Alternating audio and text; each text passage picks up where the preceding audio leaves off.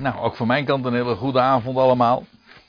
En inderdaad, wij gaan de 44ste studie aanvangen over het Johannesevangelie. En we waren inmiddels gearriveerd in hoofdstuk 13.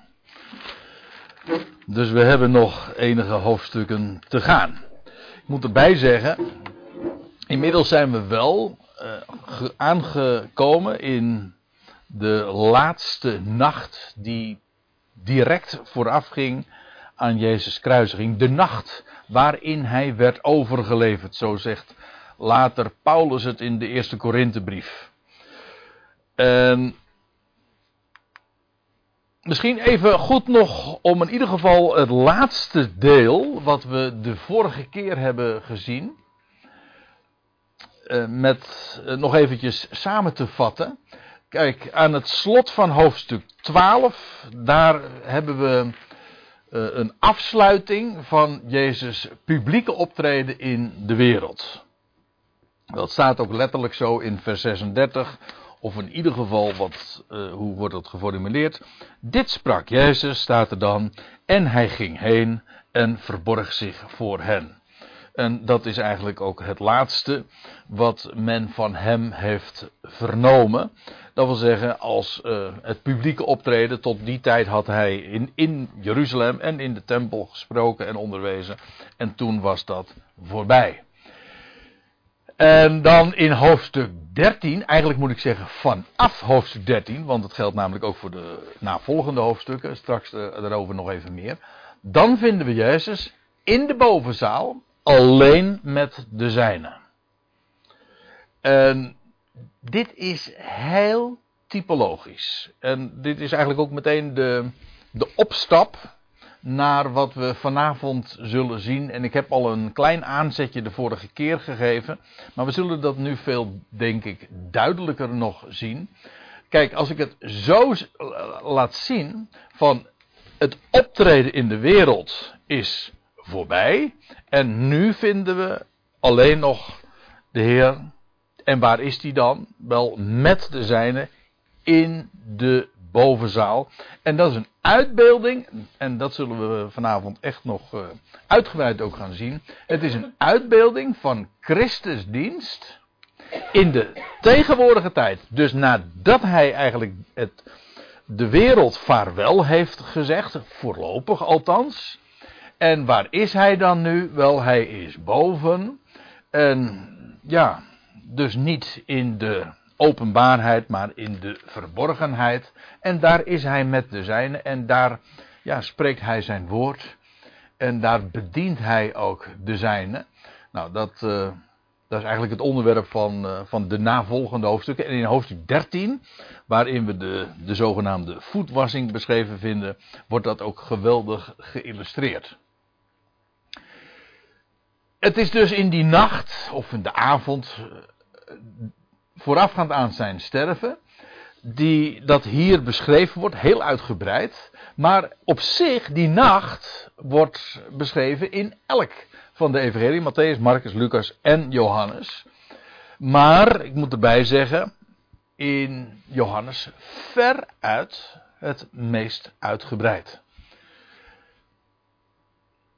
Het is in, als ik het uit mijn hoofd heb, Matthäus 26, in, in Marcus 14, Lucas 22, nou en dan in Johannes 13, 14, 15, 16, 17.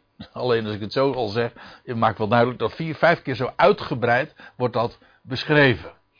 Uh, in, uh, in Johannes uh, versie.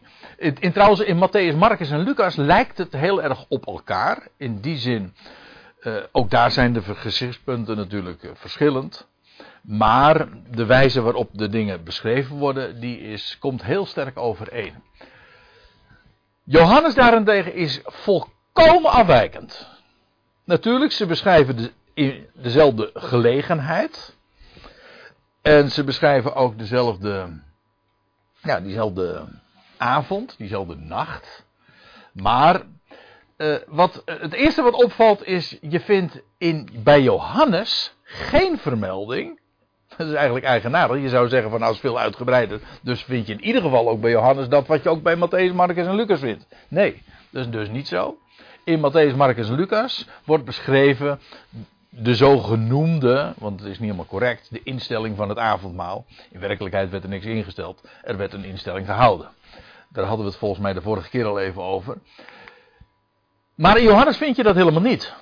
Wordt daar helemaal niet gesproken over die woorden die de Heer heeft toen heeft eh, uitgesproken toen hij het brood nam. Dit is mijn lichaam en de beker van de beker van het nieuwe verbond. Dat vind je allemaal niet in uh, het Johannes-evangelie. Wat je daarentegen wel in het uh, Johannes-evangelie vindt, maar dat vind je dus weer niet in de zogenoemde synoptische evangelieën. ik zeg synoptisch. Synoptisch, synopsis betekent eigenlijk verhalend.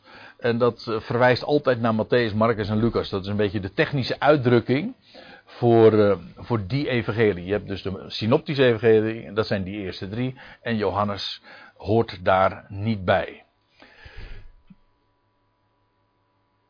En daar, in Johannes evangelie vind je dus als enige even de, de voetwassing uh, beschreven. Eigenlijk is dat ook een, een soort van basis voor, voor, uh, voor de navolgende hoofdstukken.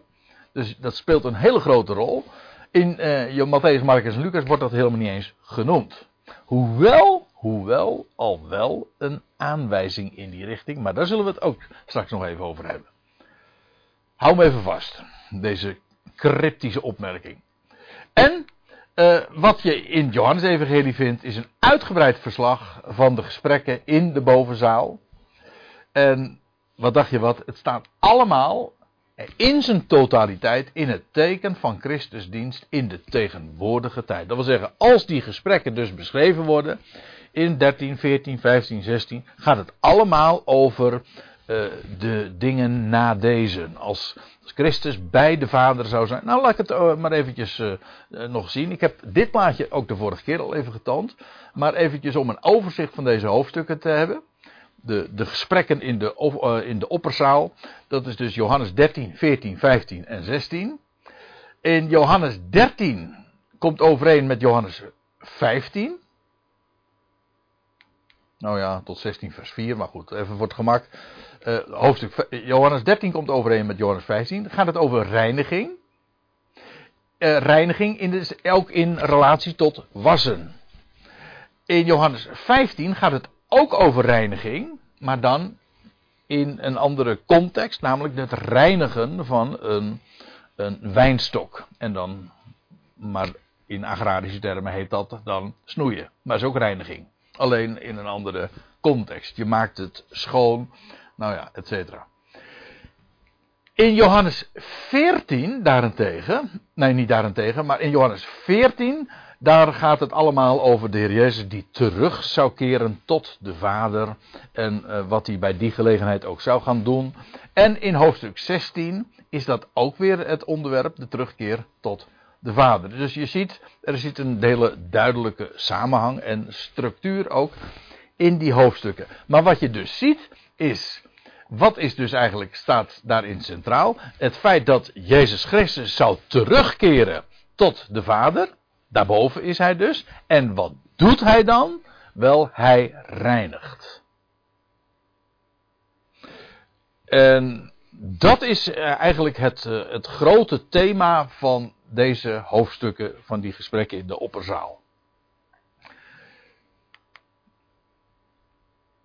Nou, ik, we hebben al het eerste vers uh, bezien, maar ik wil het nog eventjes lezen, om te, zodat we het nog even helder voor de geest hebben. Even kort een paar opmerkingen nog. En voor het feest van het Pascha, uh, met, en ik wil, het enige wat ik er nog even over wil zeggen is, je moet eigenlijk, als je de klemtoon goed legt, de klemtoon, het accent goed legt, dan begrijp je deze zin meteen. Namelijk, en voor het feest van het Pascha, dan begrijp je, aha, het was niet voor het Pascha, maar het was voor het feest van het Pascha. Want het feest vangt namelijk aan op de vijftiende van de maand. En die dag was trouwens altijd een Sabbat.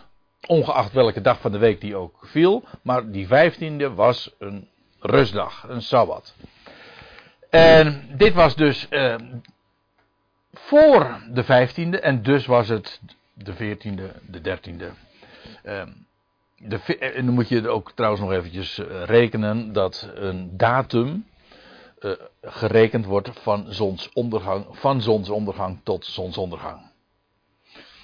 Dat verschilt nogal, want de Romeinen hadden dan van ochtend tot ochtend.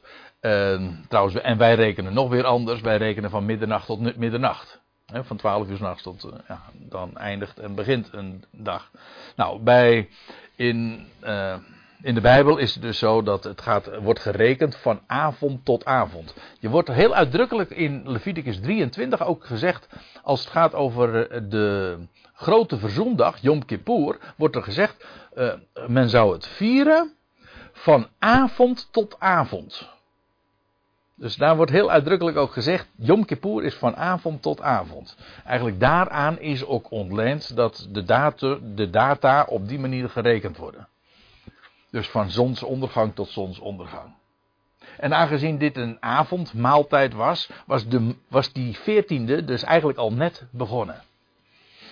Ja, het is eventjes uh, switchen in je denken, want uh, wij, wij, rekenen anders. Maar goed, daarom moet je dit even weten. En voor het feest van Paascha, toen Jezus wist dat zijn uur kwam om over te gaan vanuit de wereld naar de Vader. Kijk, dus deze eerste zin is eigenlijk meteen de, het platform en de opstap naar het grote thema van de rest. Want, eh, namelijk hoofdstuk 13 tot en met 17, Jezus gaat naar de Vader en vanuit de wereld. Daarom wordt het ook op die manier zo beschreven. En, dat is, en het volgende, hij ging over vanuit de wereld naar de Vader en daar staat erbij, hij had zijne lief uh, die in de wereld waren. En hij had een lief tot het einde aan toe. En, nou, dat is precies ook weer het onderwerp. Het gaat dus uh, over de Heer Jezus die teruggaat, naar, of eigenlijk die heen gaat naar zijn vader. En het gaat over zijn liefde voor de zijnen in de wereld. Het gaat niet over de wereld, maar over de zijnen in de wereld die hij lief heeft. De wereld is hier niet meer aan de orde, niet het onderwerp. Zodat je alleen al in dit eerste vers al eigenlijk uh, het hele perspectief geschilderd vindt van waar het over gaat. De Heer die, terug, die terugkeert of die heen gaat naar de Vader en de liefde die hij bewijst voor de zijnen, namelijk de zijnen die nog in de wereld waren. En staat er bij de aanvang van de maaltijd, toen de diabolos, ik laat het maar onvertaald, omdat ik een beetje een hekel heb, of in ieder geval, ik vind het een beetje een verdacht woord, uh, duivel, omdat we daar altijd van die vreemde associaties bij hebben. Hoewel het woordje duivel via via via gewoon uh, van diabolos komt. Dus uiteindelijk, je hebt toch hetzelfde. Maar goed, bij, diabo, bij duivel denken we, hebben we altijd van die uh, middeleeuwse voorstellingen. En dat is het grote nadeel daarvan. Trouwens, bij diabolos uh, klinkt ook veel meer door dat het een dooreenwerper is. Diabolos, hè, bal. Doorwerp, de dooreenwerper. Maar let op, toen de diabolos reeds in het hart van Judas Iscariot had geworpen, leuk hè, de diabolos die had geworpen. Dus in beide gevallen gaat het over werpen. Het woordje bal zit daar ook in. Ons woord bal komt dus eigenlijk ook weer uit het Griekse. Bolo, ja.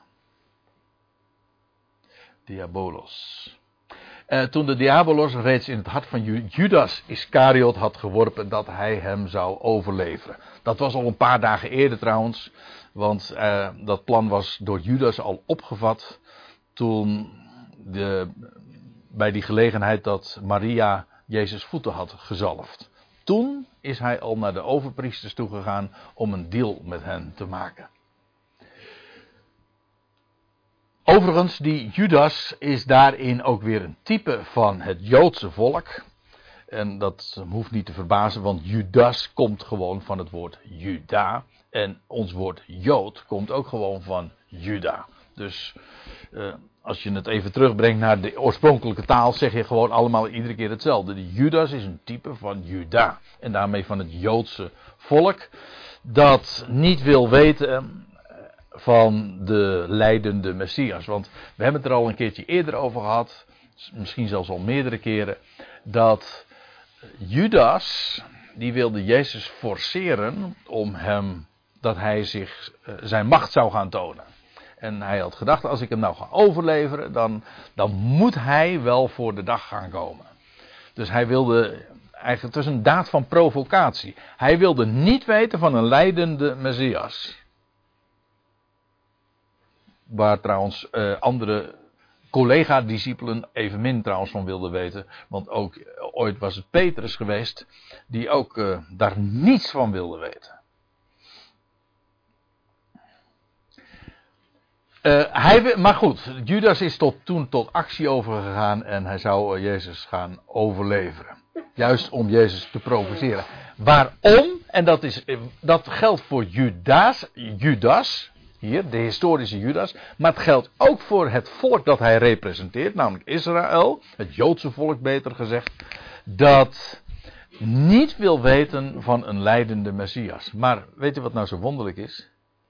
Juist omdat ze niet wilden weten van een leidende Messias, wat hebben ze gedaan? Ze hebben Jezus dus verworpen. Maar daardoor werd Jezus de leidende Messias. Wonderlijk hè?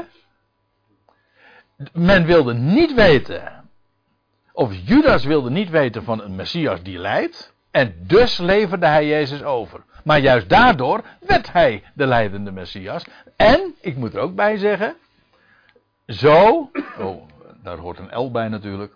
En zo uh, vervullen zij de schrift. Want zo moest het ook gebeuren. We zullen dat later in Johannes 13 ook nog vinden.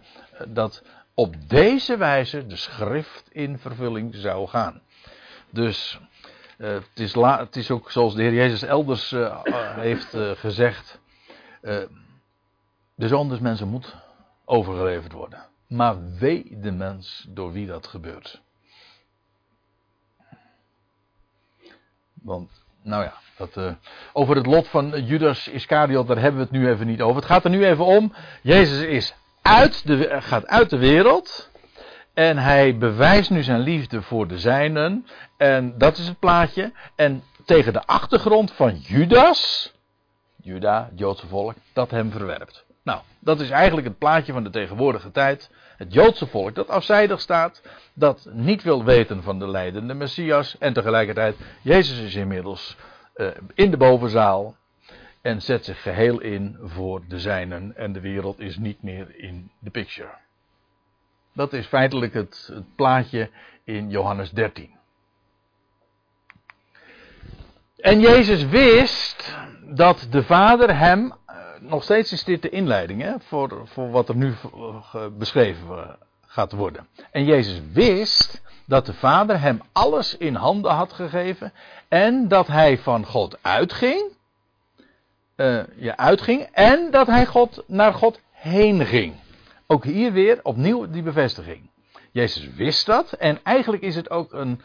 Uh, het is misschien zelfs wel prematuur. Jezus wist dat de Vader hem alles in handen had gegeven.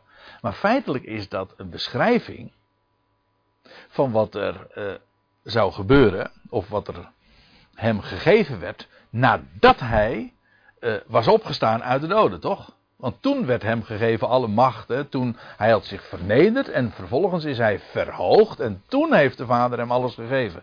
Maar uh, in feite, de beschrijving die Johannes hier geeft, is een anticipatie. Hè? Een, hoe zeg je dat nou in uh, wat gewone Nederlands?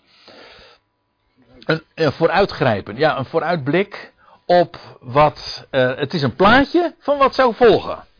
Dus wat er hier in de bovenzaal plaatsvindt is een plaatje van wat daarna zou gebeuren. Namelijk als de Heer Jezus weer naar zijn God en Vader heen terugging.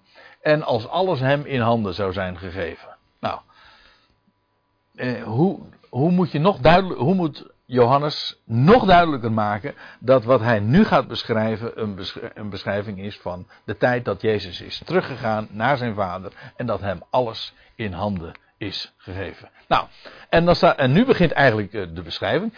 Toen Jezus dat wist, bij die gelegenheid staat erop, en hij stond op. Ik heb het expres eventjes wat vetter gedrukt. Hij stond op van de maaltijd. En legde zijn klederen af en nam een linnen doek en omgorde zichzelf. Nou, ook dit, ik wil het meteen ook niet alleen maar beschrijven, eh, vertellen wat hier zo staat, maar ik wil ook meteen de typologische linken laten zien, omdat Johannes daar eigenlijk ook meteen uh, mee aankomt. Uh, hij stond op van de maaltijd, legde zijn klederen af. Ja, dit verwijst dus naar zijn dienst nadat hij is opgestaan. Hij stond op en vervolgens hij legde zijn klederen af. En ja, waarom legde hij zijn klederen af? Om daarmee, uh, om zich heel toe te wijden uh, en zich heel over te geven voor de reiniging van de zijde. Dat wil zeggen, hij gaat zijn, zijn, zijn mooie kleed deed hij af. En nu ging hij nou ja, zoals hier ook beschreven staat, zich klaarmaken voor de dienst die hij nu zou uitgeoefenen voor, ja, voor de zijne. Hij legde zijn klederen af en hij nam een linnen doek en omgorde zichzelf.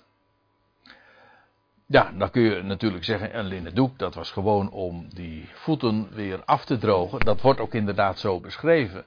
Maar ik vind dat een beetje te kort door de bocht als je het daarbij laat.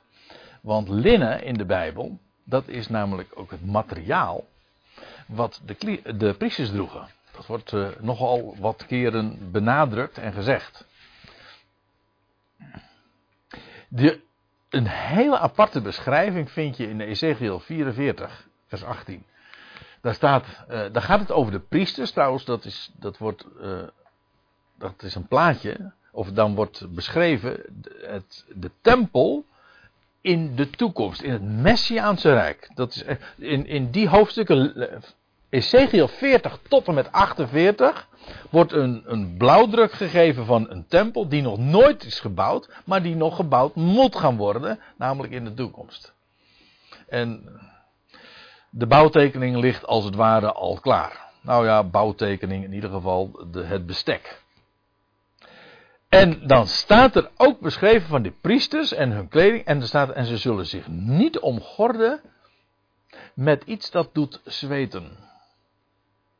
Dus het heeft ook te maken met het geen werken, maar het is, ze, oefenen een dienst, maar uh, men zou uh, zich niet, en men zou zich kleden in linnen en dat doet niet zweten. Nou, dat, uh, dat is eigenlijk een beschrijving van wat, wat linnen is. Klopt dat, Ari? is een natuurlijk materiaal als vocht opneemt. Dus dat klopt. Dat. Uh... Het is niet benauwd te dragen. Maar, nee. Ja. Maar ik denk dat er nog wat anders achter zit. Dat ze natuurlijk ook die, die arbeid niet met, uh, zou ik zeggen, ze niet in het zweet werken. Ja. Dus dat, ook misschien wel andersom een beetje. Oh, ja, maar het wordt heel uitdrukkelijk. Ze zullen ze niet om met iets dat doet zweten. Dus het materiaal zelf moest zodanig zijn dat, ze, dat het ook gewoon. Als je heel hard werkt, dan ga je ook in zweten. Ja. ja, ja. Ja, het feit dat het in het mes. Uh, ik denk dat het ook een beschrijving is van de rust die hij de zijne geeft. Ja. Ja. En. Afijn, hij nam een linnen doek en omgorde zichzelf. En daarna staat er, daarna goot hij water in de waskom. Ja. En ik had het net over de, de priesters. Maar wat deden priesters als zij het heiligdom ingingen? Dan passeerden zij ook dat wasvat. Toch? En dat is eigenlijk ook wat hier beschreven wordt. Want Jezus ging naar zijn vader terug. Dus hij ging het heiligdom binnen, toch? Oftewel, uh, hij ging uh, de hemel in, maar dan passeerde hij het wasvod. Nou, dat is wat hier ook beschreven wordt. Uh, hier eventjes een plaatje van uh, dat, de tabernakel. Dit is dus het, heil, het eigenlijke heiligdom, het heilige, het heilige der heiligen. En eerst heb je dan, dan die, uh, het brandofferaltaar. Dit is het, eerst een dier werd geslacht. Dat is één ding. Dat is een, uiteraard een beeld van het, het, het, de slachting van onze Heer Jezus precies uh, waar we het nu ook over hebben, over die dag, die 14e Nisan. Vervolgens werd hij verhoogd, zijn opstanding, dat is waar het altaar van spreekt, en dat, dat feit dat hij verrees en dat hij opsteeg naar de hemel. En dan krijg je, hij ging inderdaad het heiligdom binnen, maar dan krijg je eerst nog dat wasvat. En om het heiligdom in te gaan, uh, is daar dat wasvat uh, nodig. En hier heb ik een plaatje eh, van, van dat wasvat. Trouwens, als je daarmee bezig gaat houden, dan kom je nogal wat verschillende, verschillende afbeeldingen tegen over hoe dat wasvat eruit gezien moet hebben. Want dat valt helemaal niet eens mee. Want ik, ik, ik gebruikte zojuist even dat woord bouwtekening. Maar we hebben geen bouwtekening van de tabernakel. Ja, Johan, of, Mozes heeft wel gezien. Maar we hebben een bestek. Uh, met dus de maten erbij. Maar hoe het precies eruit gezien heeft, dat weten we niet. Vandaar ook dat er nogal wat verschillende plaatjes in omloop zijn van, uh, van, die, van dat wasvat. Maar goed, één ding is duidelijk. Voordat men dan inging in het heiligdom, passeerde men dat wasvat. Nou, over dat wasvat en het belang daarvan, daarover hebben we het ja, nu bij deze gelegenheid. En nou wil ik op nog iets wijzen. En eerder vanavond, toen ik zojuist begon, toen zei ik zo van. Uh, dat die reiniging, de voetwassing, dat wordt alleen maar in het Johannesevangelie vermeld. En niet in Matthäus, Marcus en Lucas. Dat is waar. Maar we vinden er wel een aanzet toe. Ook uh, en in Marcus en in Lucas en als ik me niet vergis ook in Matthäus. Uh, wat ging er namelijk aan vooraf? Laten we dat eens even lezen. Dan lees je, en hij, dat is Jezus, dus dat was nog de dertiende van de maand. De, uh, als mijn vraag, dat was woensdag. Dus ergens woensdagmiddag moet dat geweest zijn. Hij stuurde twee van zijn leerlingen. En hij zei tegen hen: Ga heen de stad in, want hij was nu nog op de Olijfberg. En een mens zal jullie tegemoet komen. En zijn naam wordt niet genoemd, maar wat had hij? Hij had die een aardekruik met water draagt. Een waterdrager dus. De waterman, Aquarius, zou je ook nog kunnen zeggen.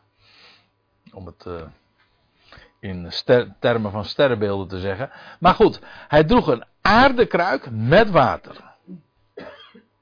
Wat er met die, dat water uh, zou gaan gebeuren, wordt er niet gezegd.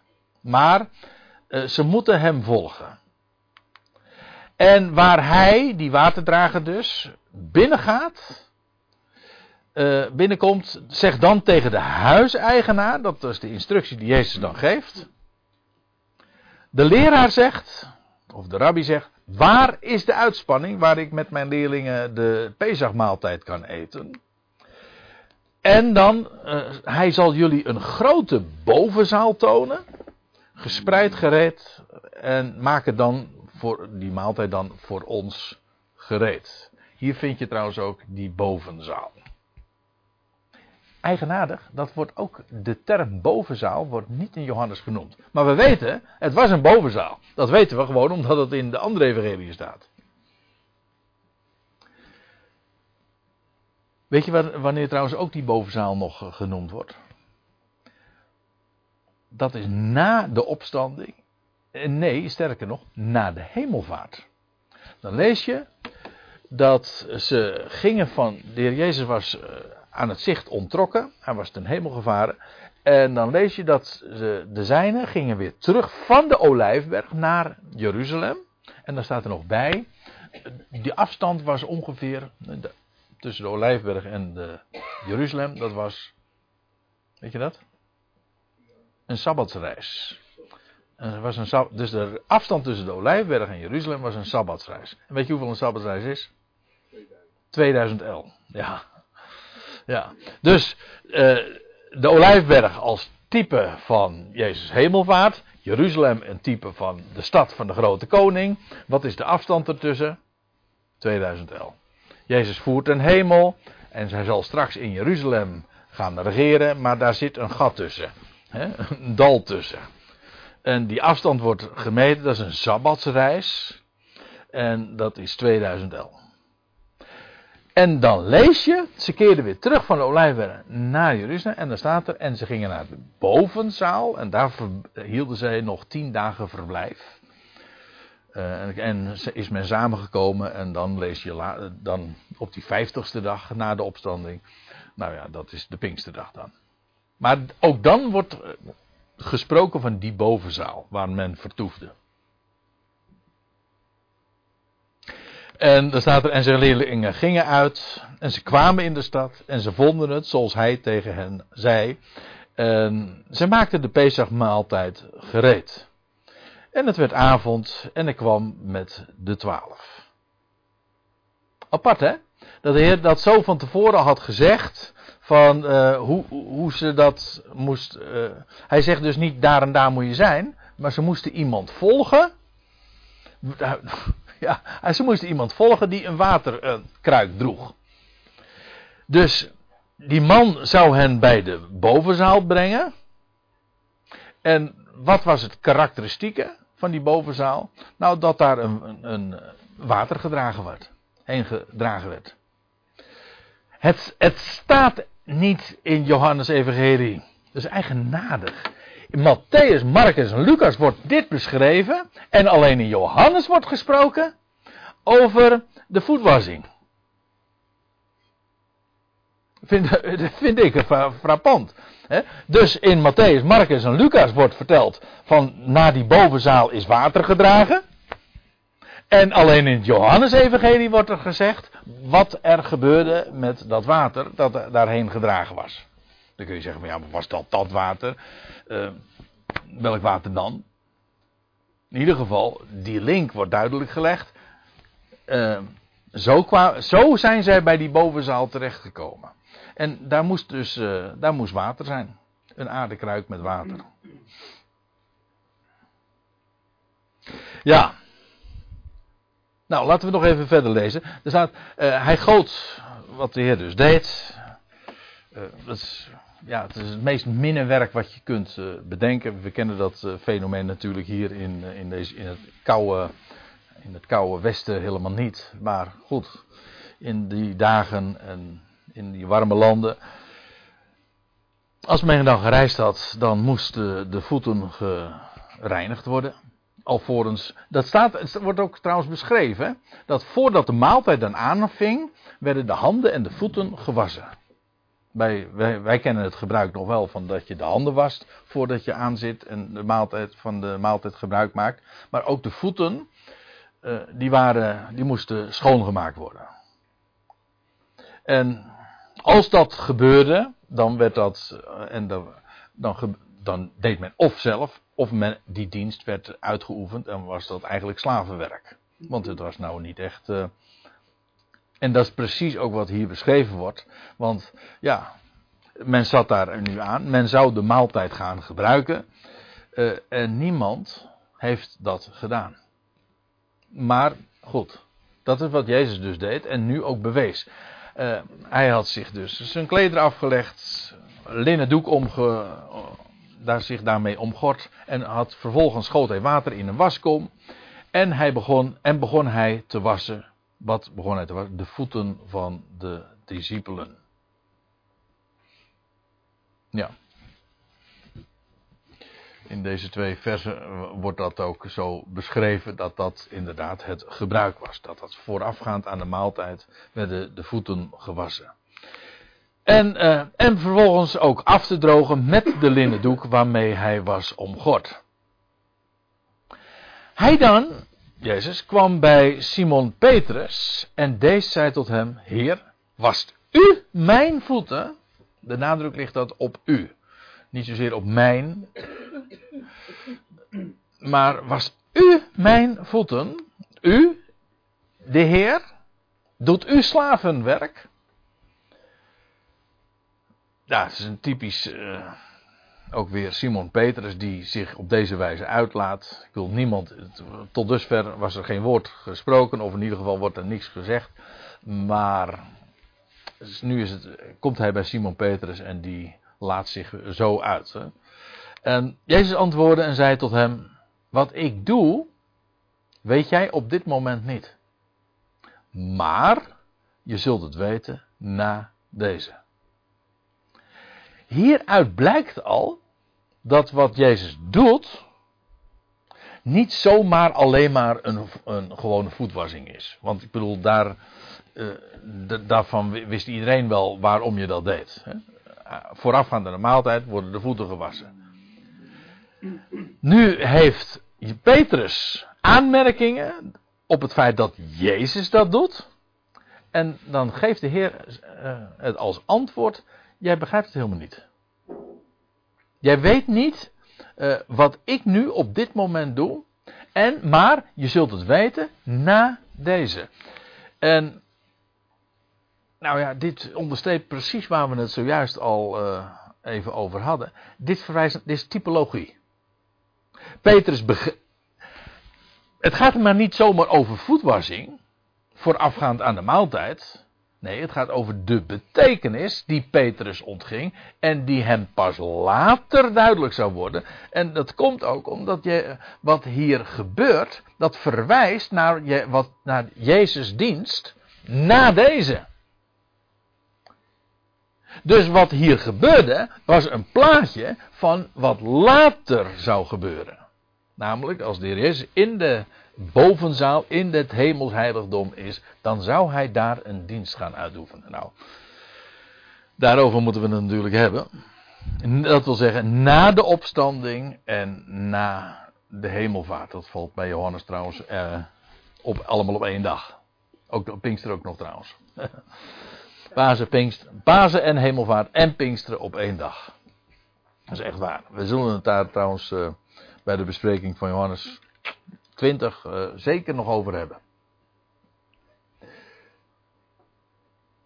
Dit zevende vers van Johannes 13 maakt al duidelijk dat dit maar niet zomaar een, een, een alleen maar om een reiniging ging. Dit heeft een diepere betekenis en Petrus ontging het. En de heer neemt het hem niet eens kwalijk. De heer zegt, je kan het ook eigenlijk niet begrijpen. Je, jij weet het niet, maar hij zegt erbij, na deze wel. Ja, waarom na deze? Wel, daar, het, wat ik doe gaat ook over. En is een plaatje, een illustratie van wat er na deze gebeurt. Nou, en dan Petrus, ook inderdaad uh, ten voeten uit. Leuk hè, ten voeten uit. Uh, Petrus zei tot hem, u zult mijn voeten absoluut niet wassen. Tot in de aion. In geen duizend jaar. Hè, zouden wij zeggen. Uh, tot in eeuwigheid. Nou, dat staat er dus eigenlijk niet. Maar uh, ja, in geen duizend jaar. Dat is wel een aardige, want die toekomende aion duurt natuurlijk ook duizend jaar. Uh, maar eigenlijk is het ook, kijk, de Heer had gezegd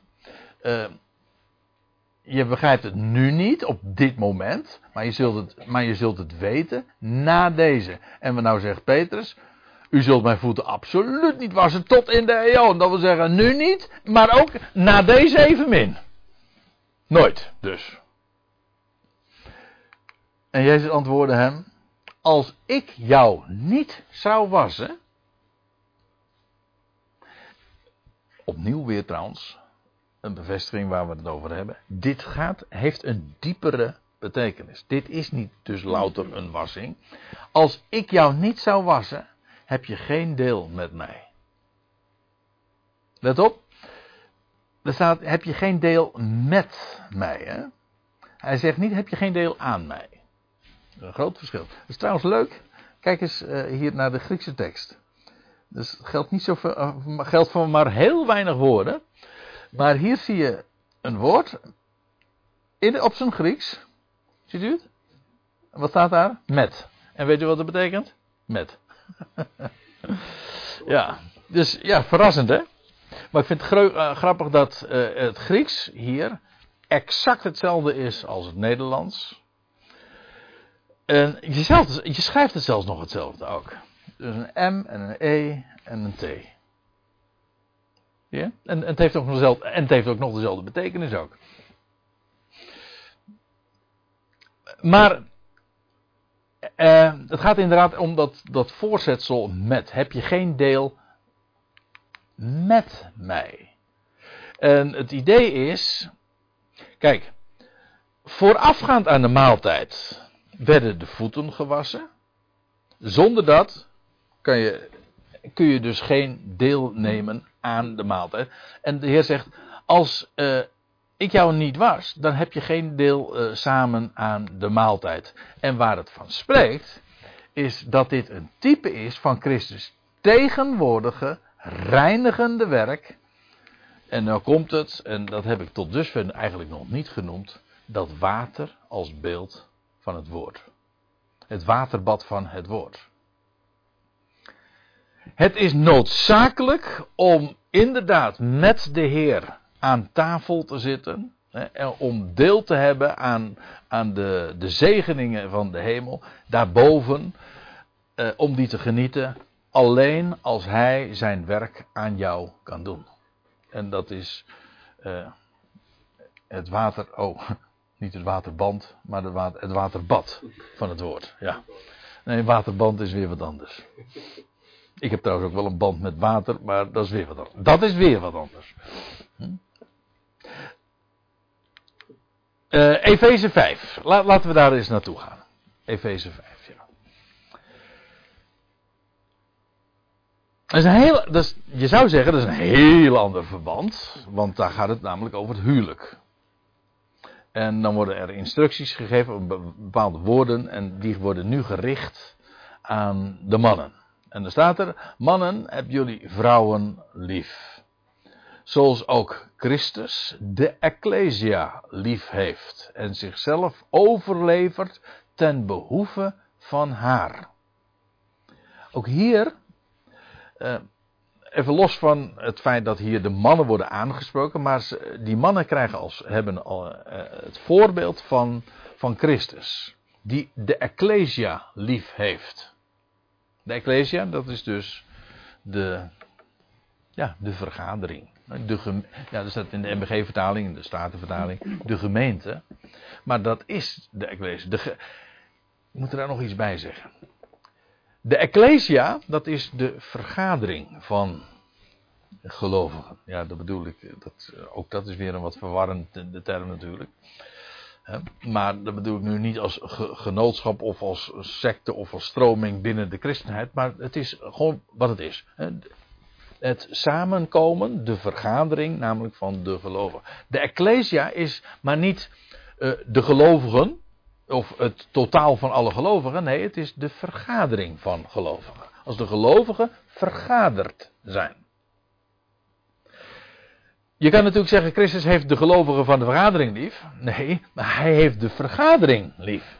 Dat wil zeggen, hij heeft het. Hij houdt, dat is wat hier staat. Christus houdt van de vergadering. Hij ziet graag, hij houdt daarvan dat de gelovigen samen zijn. Want je kan zeggen, hij heeft de gelovigen lief, dat is waar, maar dat staat hier niet.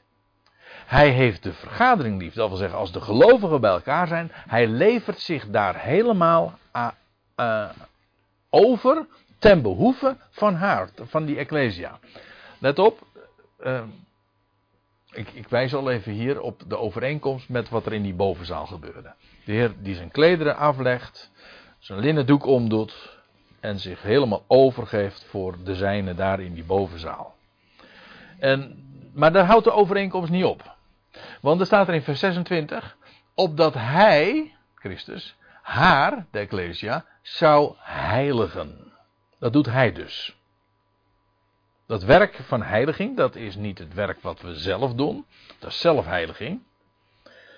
Of, terwijl, schijnheiliging. Dat is geen echte heiliging. Heilig, hij heiligt. En hoe heiligt hij? Wel door haar te reinigen in het waterbad En wat is dat waterbad? Dat zijn zijn, is zijn uitspraak. Dat wil zeggen zijn woord. Rema. is niet logos, maar het ligt er heel dichtbij. Het is dat wat hij uitspreekt.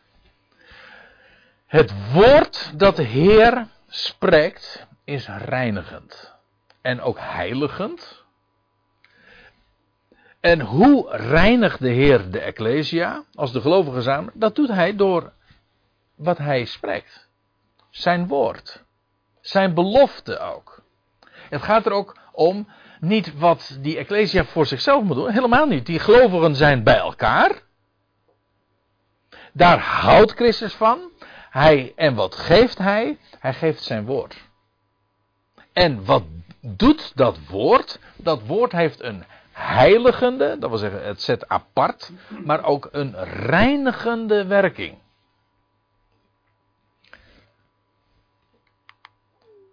Ja, let trouwens op, het gaat hier over het waterbad en dat is niet. Uh, het, het, gaat niet over het bloed. Kijk, van het bloed, dat de, de werking van het bloed is eenmalig. We worden. Ik bedoel, als je een gelovige bent, dan ben je geheiligd door het bloed. Dat is één keer. Je hebt namelijk door zijn dood en opstanding, doordat hij zich gaf aan het kruis, hè, heeft hij ons leven gegeven. Dus nieuw leven, dat ontvang je één keer. Dat is eenmalig. De werking van dat bloed is eenmalig. Maar hier gaat het niet over de heiliging en de reiniging van bloed. Dat is een eenmalige zaak. Maar het gaat over de heiliging en de reiniging van het waterbad. En dat is zijn woord. En dat is niet eenmalig. Dat water, dat is namelijk Christus woord. Dat wat hij uitspreekt. Kijk, en dat is iets wat voortdurend plaatsvindt. Zolang we in de wereld zijn. Hè? Hij heeft de heiligen, uh, hoe staat het? Hij had de zijne lief die in de wereld zijn. Ja, maar zolang je in de wereld bent, word je gewoon ook iedere keer weer vies. Dat is geen enkel probleem hoor. Want de Heer doet namelijk zijn reinigend werk. En dat is zijn woord. Door water, dat wil zeggen zijn woord, reinigt hij onze voeten. En zijn voeten is een type, een beeld van, of het representeert onze wandel. Het lijkt me nogal duidelijk. We gaan door deze wereld, dat is onze wandel. En door onze wandel worden we bevuild. Worden we besmet door de dingen van de wereld. No problem, dat is gewoon, dat hoort erbij. Net zo goed als dat je in de woestijn, als je in de dagen van de Heer Jezus de, uh, een reis maakte, ja, dan, en je had je, je blote voeten in je sandalen, dan werden je voeten vies. Dat is geen enkel probleem, maar als je aan de maaltijd dan zat, moesten ze gereinigd worden. Nou, en dat is wat de Heer deed. En ook gegarandeerd. En als de gelovigen samen zijn, de Ecclesia samen zijn in zijn naam, wel, wat er dan gebeurt is, hij spreekt zijn woord. En door dat woord worden de gelovigen, uh, wordt de, de Ecclesia gereinigd. De voeten worden gereinigd. Uh, dat doet hij dus. Van alles wat we, wat we in de wereld zeg maar tegenkomen, uh, ook in, in, in, in, al, in onze gedachten, in in welke zin dan ook. Maar welke verontreiniging we ook oplopen. Het is zijn woord dat ons helemaal weer schoonmaakt. Waarom? Om deel te hebben met hem. Om dus dat deel, eh, het samen, eh, de gemeenschap aan zijn tafel. Ik bedoel dat eh, om deel te hebben aan de dingen van Hem, waar Hij van geniet, om, om met Hem eh, het deel te genieten. Wel, de voorwaarde is dat Hij ons daarvoor reinigt. Hij reinigt. Hij heiligt. En dat doet Hij door Zijn woord. Absoluut.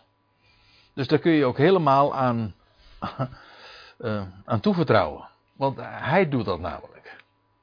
Maar het dit beschrijft dus de liefde die de Heer heeft voor ons als gelovigen individueel, maar ik meer nog, de, de, ook de gelovigen samen, want hij heeft de Ecclesia ook lief. En hij geeft zich daarin volledig over. Ja, om dat deel daar in de bovenzaal met hem te genieten. Dus wat ik eigenlijk daarmee ook wil zeggen is, wat je hier beschreven vindt in Johannes 13, ja, dat is een, een plaatje van de tegenwoordige tijd, dat Christus daarboven is en wij ja, met hem zijn, het, het deel van hem ook genieten. En, en ja, wat, wat daarvoor nodig is, dat doet hij. Er staat trouwens in Efeze 5 nog iets achter. Opdat hij zichzelf, opdat hij, pardon, opdat hij zelf zou presenteren voor zichzelf. Glorieus. De Ecclesia heb je weer. De, de volksvergadering. De vergadering van het volk. Zonder vlek of rimpel of iets dergelijks. Maar opdat ze zou zijn heilig en, uh, en smetteloos. Er staat trouwens in de NBG-vertaling stralend. Hij maakt de Ecclesia glorieus. Hij, hij, doet, hij doet ons stralen. En dat doet hij door zijn woord aan ons te geven, zijn belofte. Is dat niet onze ervaring gewoon? Als we bezig zijn met zijn woord. En, hij, en je hoort zijn belofte en wie hij is, hoe groot hij is en wat hij ons belooft en, en hoe solide dat is wat hij spreekt, dan maakt dat toch blij dan doet je dat toch stralen. Nou, dat is wat hij doet. Zijn woord heeft die reinigende werking. En wat je in de wereld ook allemaal tegenkomt en waardoor je misschien ook belast wordt of verontreinigd wordt. Nou, geen probleem. Hij wast je daar helemaal van schoon. En die wandel uh, in de wereld is uh, geen enkel probleem. Als we daar in die bovenzaal zijn en dat deel van hem en met hem genieten, dan is hij degene die uh, ons daar helemaal voor gereed maakt. Ja, door geconfronteerd te worden met wat hij toezegt. Let op, het is zijn heiliging. Hij heiligt, hij reinigt. En er staat er op dat hij zelf zou presenteren. Voor zichzelf, glorieus de Ecclesia. Ziet u, Stel nou eens de vraag. Wat doet hier in deze verse de Ecclesia? Antwoord: niets. Ja, ze zijn bij elkaar. In zijn naam. En ze verwachten het dus van hem. Maar, maar als je het van hem verwacht. Dan doet hij ook alles. En hij geeft ook zijn belofte. Zijn, want kijk, op het moment natuurlijk dat uh, de mensen te, uh, te horen krijgen van dit moet jij doen en dat moet je doen en dat mag je niet doen. Uh, daar word je niet glorieus en stralend van hoor. Weet je wat ons doet stralen? Wanneer je hoort en verneemt ja, ja, zijn uitspraak, namelijk wat hij doet. Dat maakt een mens blij. En dat doet je stralen en dat reinigt ons ook. Ik. Uh, ik vind dit zo'n schitterende beschrijving van wat de Heer vandaag doet. Hij geeft zijn woord. En door dat woord, zijn belofte vooral ook. Zijn belofte, dat is wat ons volledig heiligt en reinigt. En dat is allemaal zijn werk. En daarmee hebben we dus eigenlijk ook precies beschreven, uh, vinden we ook geïllustreerd in, in Johannes 13, daar in die bovenzaal. Ja, wat de Heer vandaag doet. Hij is daar nu bij de Vader, jawel, maar hij, hij zet zich ook in. Hij, hij pleit voor ons, hij, ver, hij behartigt onze belangen. En wat geeft hij? Nou, precies wat we nodig hebben. Zijn uitspraak, zijn belofte. Nou ja, uh, Simon Peter is, is uh, nog niet helemaal overtuigd. Want hij reageert nog uh, in vers 9. Maar ik stel voor, want ik zie dat het inmiddels 9 uur is. Dat we. Op 9 uur zijn we om, uh, in vers 9 aangekomen. Dus het lijkt mij tijd om eventjes te pauzeren. Dan gaan we straks verder met Simon Peters reactie.